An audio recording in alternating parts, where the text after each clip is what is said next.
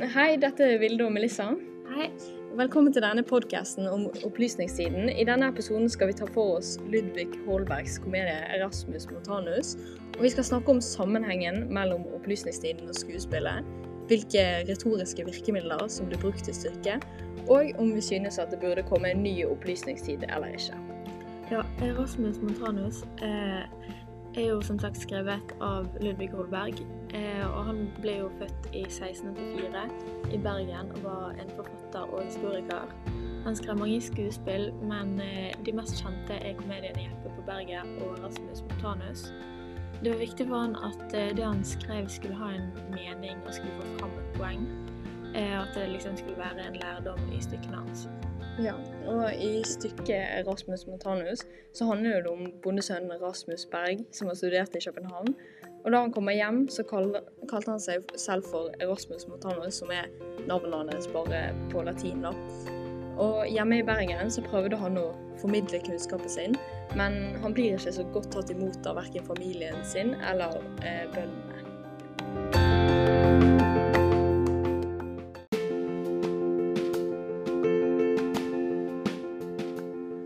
Så litt om eh, opplysningstiden. Eh, på samme tid som Erasmus Montanus ble skrevet på 1720-tallet, så var den litterære perioden som kalles opplysningstiden. Eh, og det var en periode hvor vitenskap, fornuft, frihet og toleranse var veldig viktig. Og opplysningstenkere var opptatt av bl.a. ytringsfrihet, trykkefrihet, religionsfrihet, likhet for loven og demokrati. Ja, og det er jo en sammenheng mellom opplysningstiden og stykket. Fordi i Erasmus Montanus så ser vi at stykket er skrevet i opplysningstiden. Eh, fordi det er sterkt påvirket av vitenskap, fornuft og kritikk. Og idealet i opplysningstiden var jo å opplyse mennesket. Men hvis man skulle klare å opplyse mennesket, så måtte jo man ha tilgang til kunnskapen. Og Derfor var det store endringer i skolene og i universitetene på den tiden for å modernisere innholdet. Men i Danmark-Norge så gikk det litt treigere. Eh, fordi universitetene var mer en presteskole. Og vi ser derfor at Erasmus Montanus eh, på, Vi ser derfor på han som en kritikk mot eh, samtidens universiteter. Eh, Holberg studerte selv på Universitetet i København, og det er tydelig at han kritiserer innholdet i utdannelsen sin gjennom karakteren Erasmus Montanus, som, eh, som fremstiller innholdet som virkelighetsfjernt.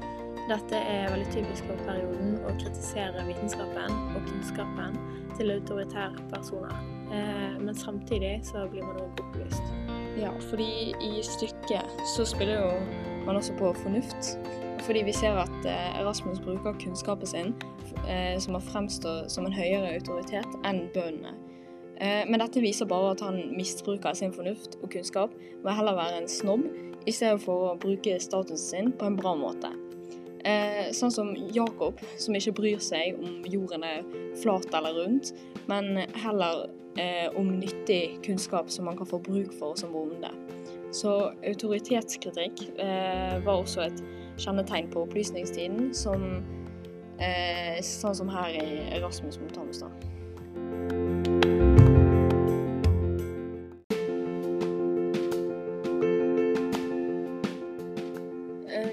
Litt om retoriske virkemidler som skuespillerne bruker.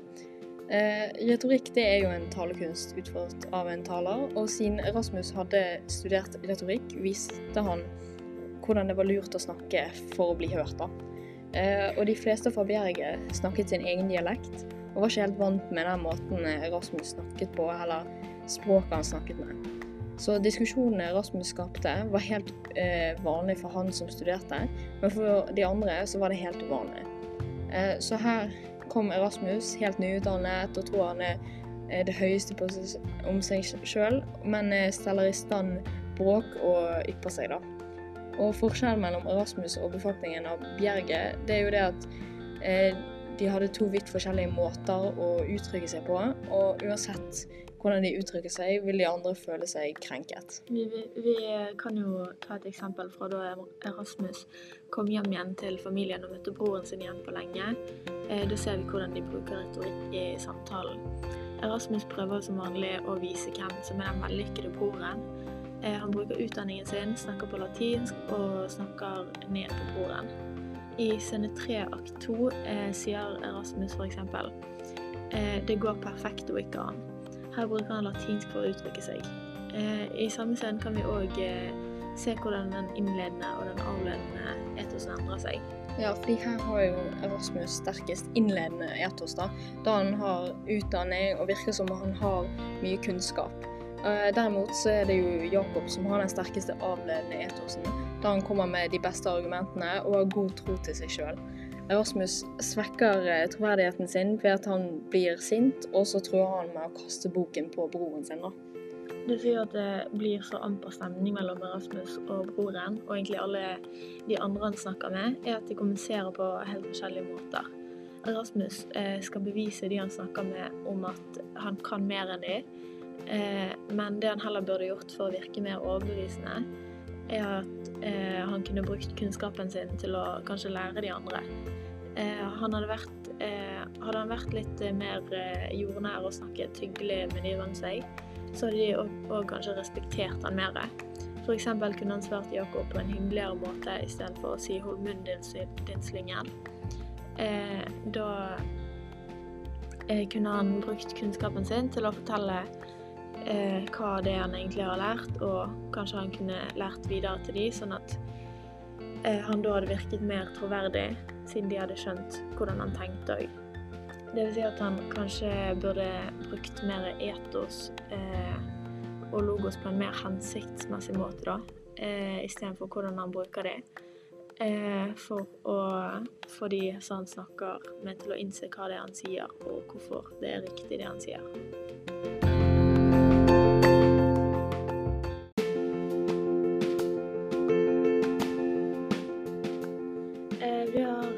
Snakket mye om opplysningstiden på 1700-tallet nå.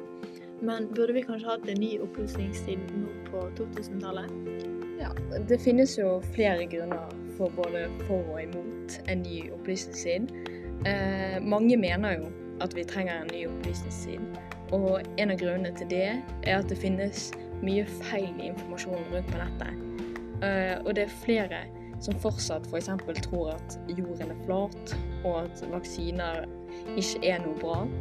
Eh, og det at vi har så mye tilgang på nettet, gjør at vi ikke lenger tenker kritisk nok til, alle, kild, eh, til alle kilder. Da. Og vi kan tro på feil informasjon.